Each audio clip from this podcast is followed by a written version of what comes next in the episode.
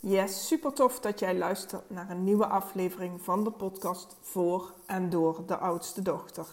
Ik ben Monique Jansen, mijn moeder is een oudste dochter, ik ben zelf een oudste dochter en daarnaast ben ik ook moeder van een oudste dochter. In het dagelijkse leven help ik vrouwen die oudste dochter zijn om af te rekenen met hun piekergedachten, zodat ze weer volledige aandacht voor zichzelf, partner en kinderen krijgen en dat zonder schuldgevoel. Fijn dat jij er vandaag weer bent. Heb je de titel gezien van mijn podcast? This is where the magic happens. Heb ik je een beetje nieuwsgierig gemaakt? Nou, afgelopen week had ik een sessie. En ik ga je even meenemen in deze sessie. Ik denk namelijk dat het onderwerp herkenbaar is voor veel oudste dochters. Ik had een gesprek met een vrouw en ehm, zij heeft last van het issue niet kunnen loslaten.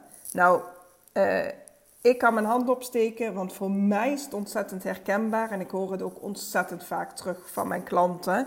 Um, dat zij dingen niet los kunnen laten. Heeft te maken met je verantwoordelijkheidsgevoel, het gevoel van oudste dochters om te willen zorgen voor anderen. Nou ja, goed, zo kan ik wel even doorgaan, maar daar gaat deze podcast niet over. Maar goed, het issue wat we gingen aanpakken was niet kunnen loslaten. Nou, wat we dan in eerste instantie doen, dan gaan we naar een gebeurtenis waarin zij dat heel intens voelt. Waarin ze heel intens voelde van nou, als dat gebeurt, dat zou ik echt niet los kunnen laten. En een situatie die ze aangaf was als een van haar kinderen tegen haar zou liegen.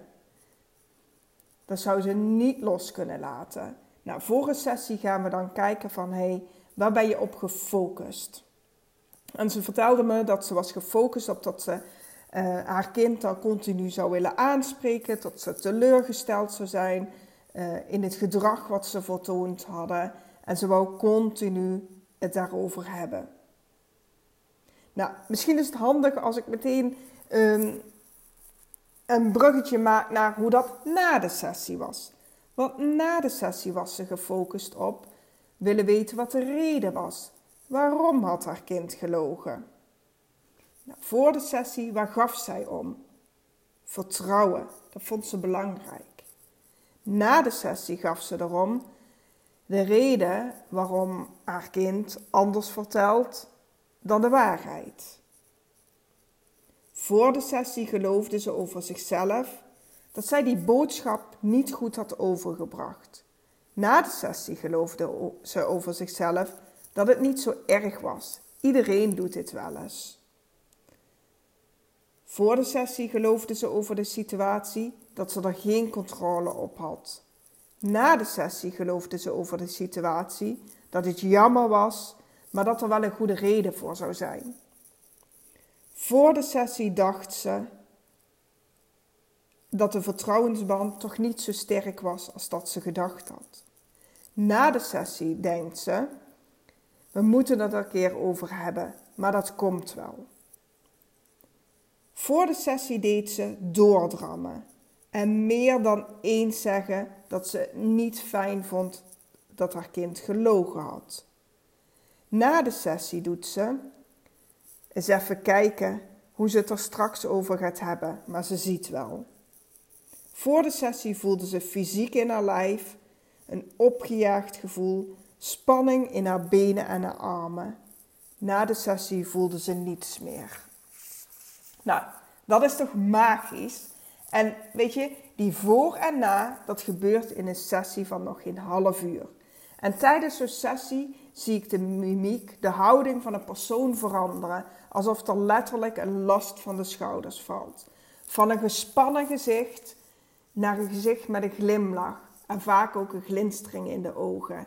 En elke vrouw krijgt de mooiste levenslessen, precies afgestemd op wat zij nodig heeft. Wat er tijdens de sessie gebeurt, kan ik tot op de dag van vandaag eigenlijk niet anders beschrijven als magisch. En laat me je eerst even meenemen in een kort stukje wetenschap.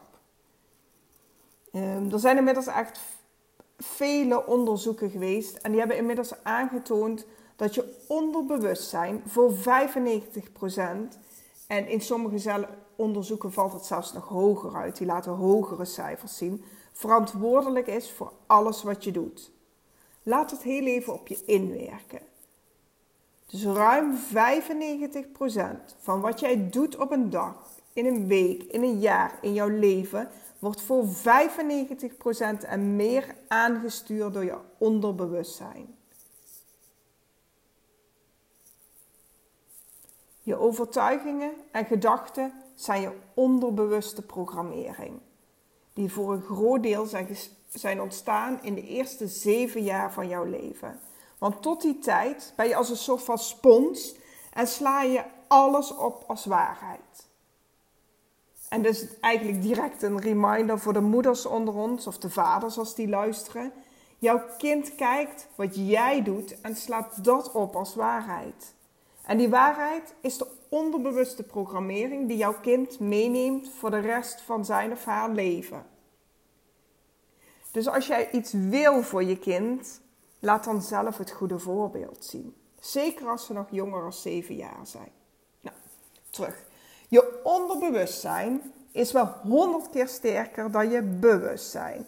En daarom is het ook zo verdomde lastig om dat op bewust niveau te veranderen. En dat herken je vast wel.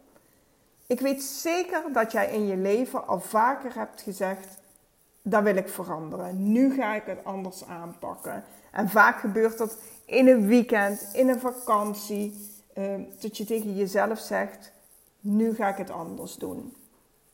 Ik hoor vaak van mijn klanten dat ze echt al meerdere malen geprobeerd hebben om meer tijd voor zichzelf vrij te maken. Volledige aandacht voor de kids. Niks doen. Ontspannen, maar dat zonder schuldgevoel. Zonder het gevoel dat je Ehm, nutteloos bent geweest. Uh, dat je je tijd niet goed hebt besteed. Herkenbaar?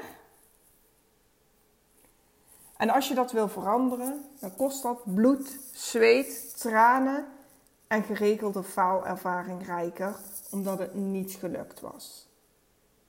En ik weet niet of je mijn vorige podcast geluisterd hebt, want daarin gaf ik aan wat wij als vrouwen dan doen, is dan zijn we heel kritisch op onszelf. En dan gaan we dus tegen onszelf zeggen: wat een sukkel dat je bent, dat je niks kan, dat je teleurgesteld bent, etc. Wij maken het persoonlijk, persoonlijk voor onszelf.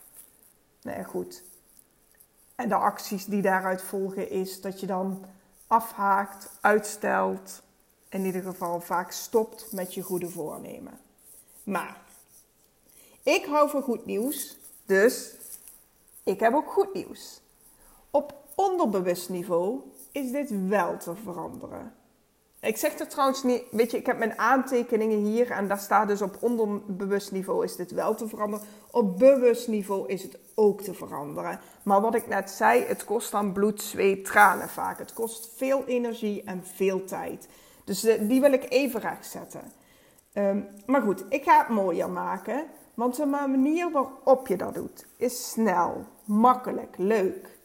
En dat is eigenlijk ook waar ik mijn podcast mee begon. Binnen een klein half uurtje heb je je overtuiging, je gedachten, je emotie die jou in de weg zit opgeruimd. Datgene waardoor het, waardoor het niet lukt wat je graag zou willen, dat heb je binnen een half uur opgeruimd. En ik weet het, dit klinkt bijna ongeloofwaardig. Maar jouw brein houdt van sprookjes. En werken met het onderbewustzijn voelt voor mij als magisch. Tijdens een sessie houden we je brein namelijk een beetje voor de gek.